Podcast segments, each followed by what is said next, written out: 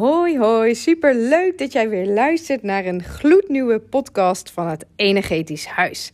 Nou, dat was alweer een tijdje geleden en toevallig kreeg ik een uh, leuke aanvraag vanochtend uh, van iemand die zei van... joh, ik heb al je podcasts geluisterd. Toen dacht ik, ja, het is weer tijd voor een nieuwe.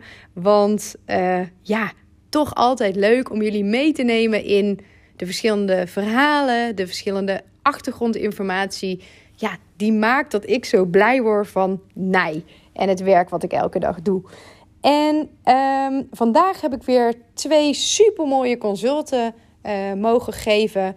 Allereerst um, voor een onderneemster die een blokkade had op geld en het mogen ontvangen. En die dus eigenlijk altijd in de rol stappen van het geven.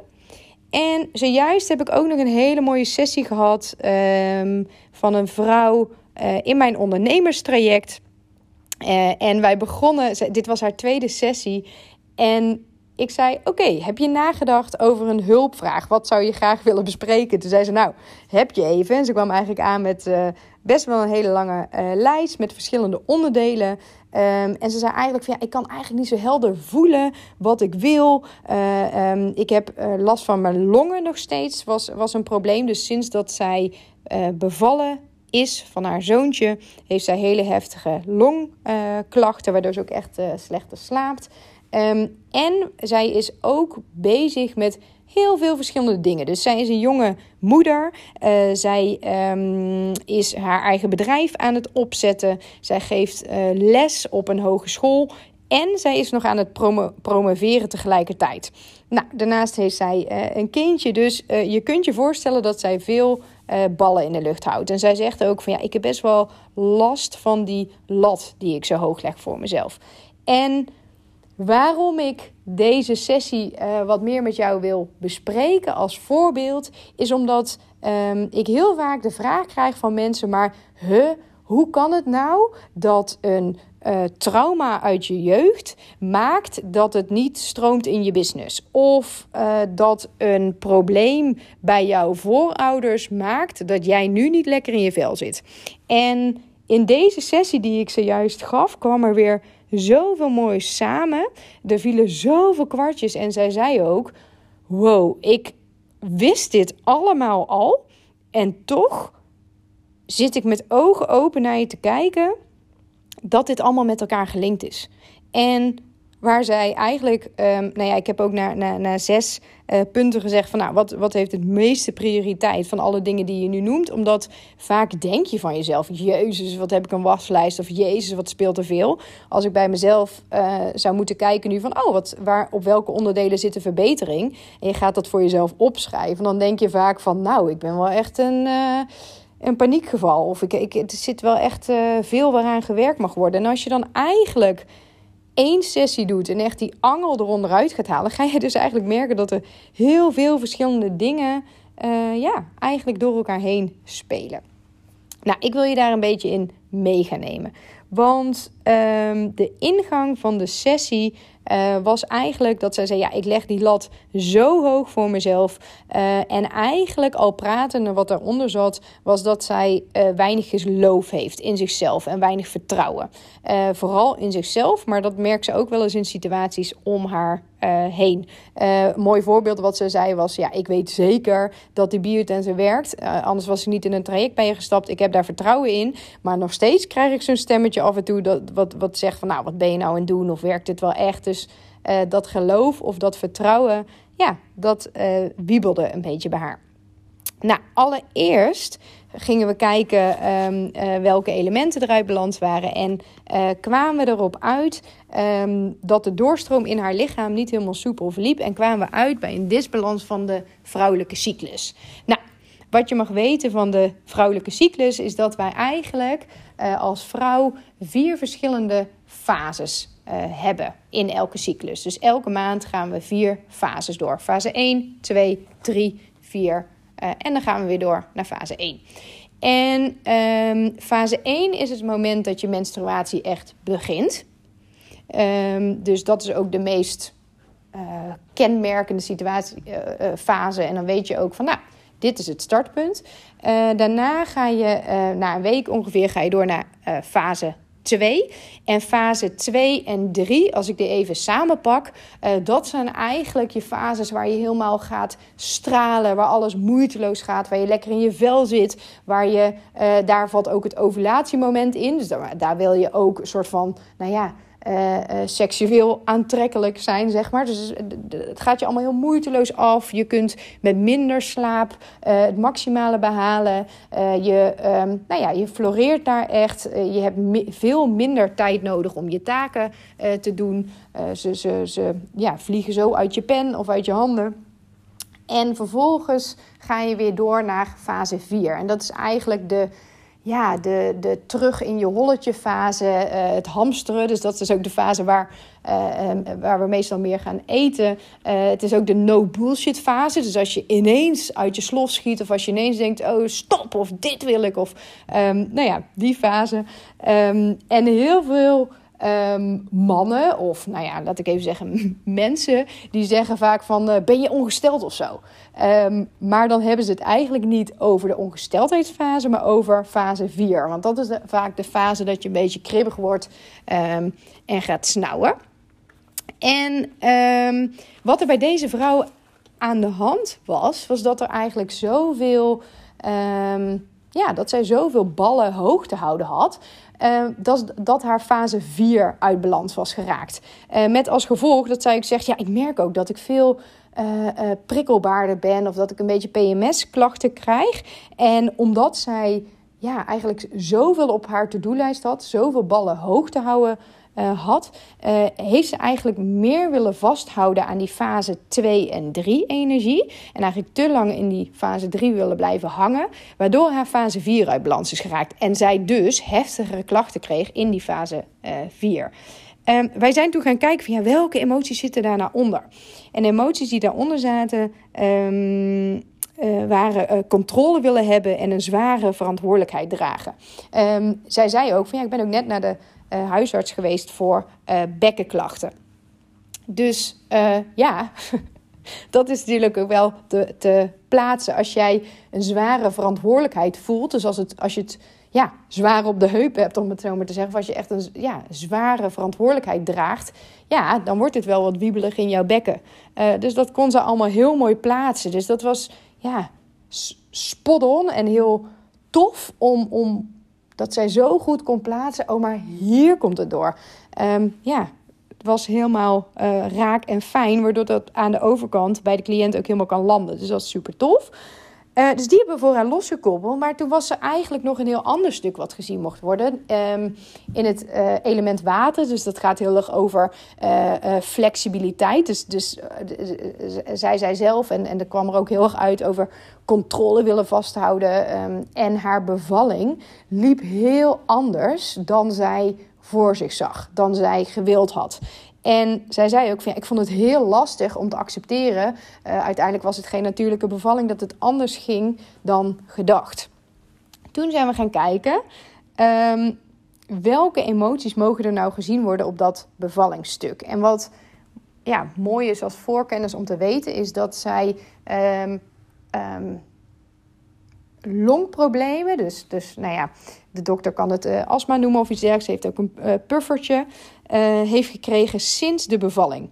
Uh, en zij is daar ook nog voor terug geweest naar de dokter. Uh, het is zelfs zo erg dat zij eigenlijk soms wakker ligt omdat ze gewoon niet genoeg adem krijgt.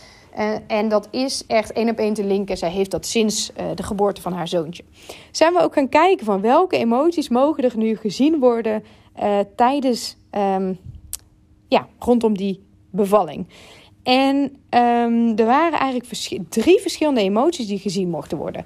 Allereerst een emotie van de dikke darm vasthouden aan afspraken. Nou, de dikke darm, uh, wat het in jouw lichaam doet, is natuurlijk ook uh, vasthouden of loslaten, hè, die dikke darm. Uh, en die gaat ook heel erg over controle energetisch. En op het moment dat een bevalling ineens helemaal anders gaat dan gepland. En jij bent een persoon die heel erg vanuit controle leeft en heel erg wil vasthouden aan die afspraken uh, ja, dan is dat best wel lastig. Dan, um, dan doet dat wat met jouw systeem en dan maakt het emoties in jou los.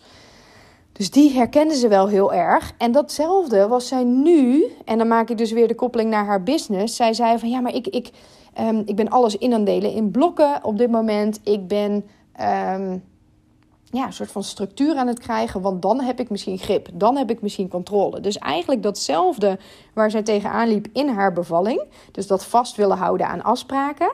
Uh, was zij nu in haar bedrijf aan het doen. Dus heel erg controle uitoefenen om het werkbaar te maken. Uh, dus die koppeling kon zij heel erg voelen. Uh, ook um, zat er een emotie van de longen. Hier gaan we hem krijgen. twijfelen aan je eigen wijsheid.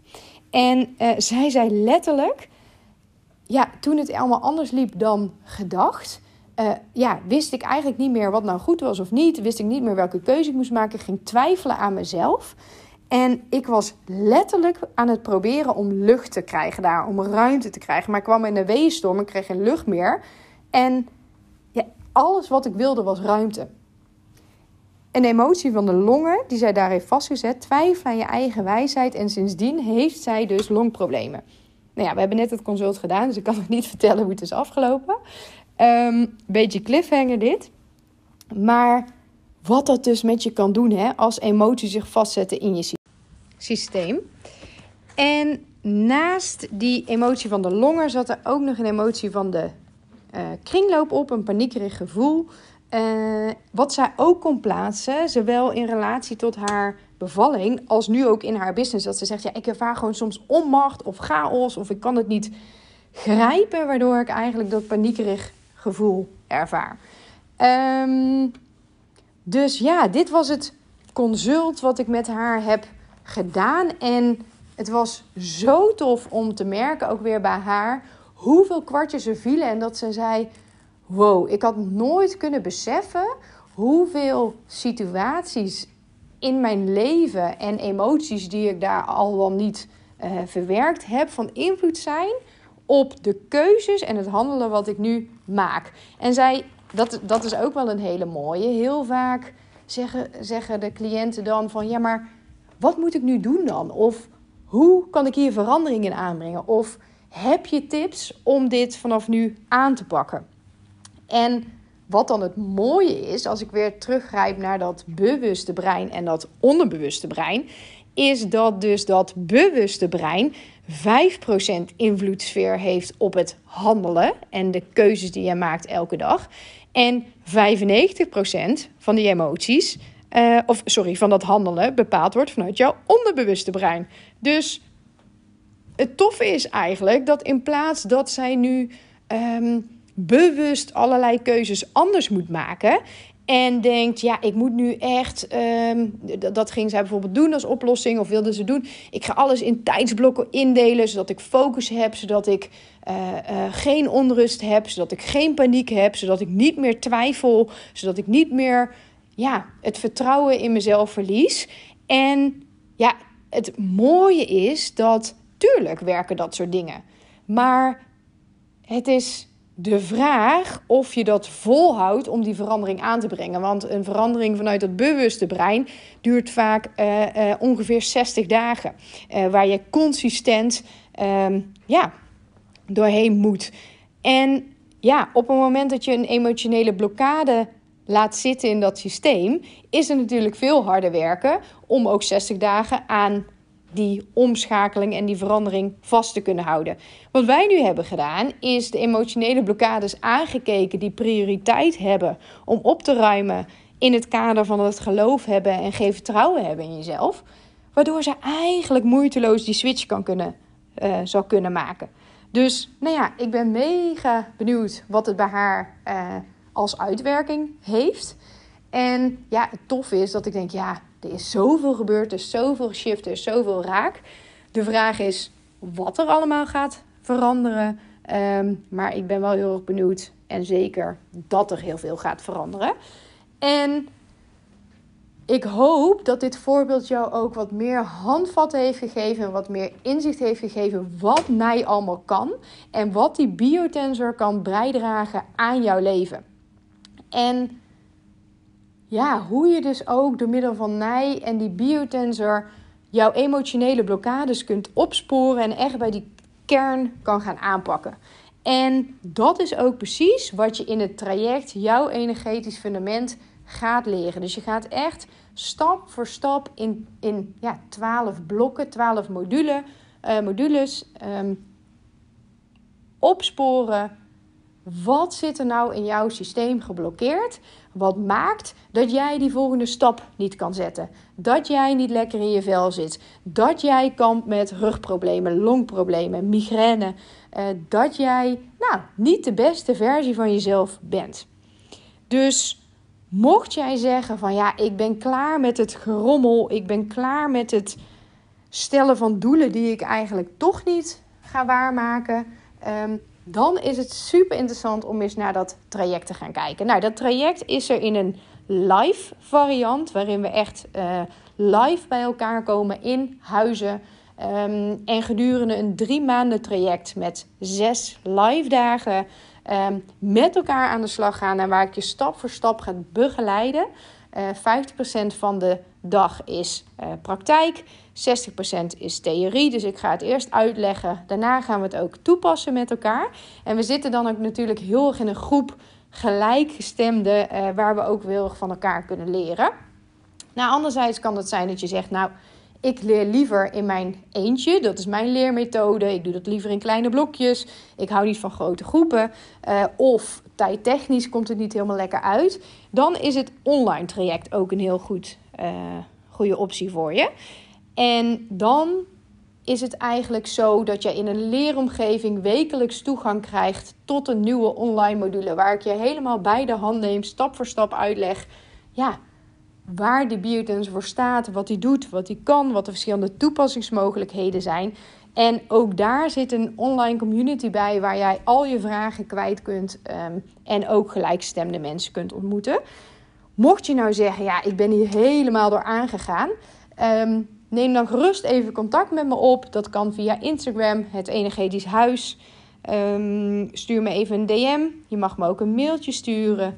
Eefke energetisch huis, dus zonder het woordje het, uh, .nl, energetischhuis.nl. Um, ja, of via de website staat ook een contactformulier, kun je me ook bereiken. En dan wil ik jou voor nu heel erg bedanken voor het luisteren. En dan zie ik jou binnenkort weer, of hoor ik jou binnenkort weer in de volgende podcast. Doei!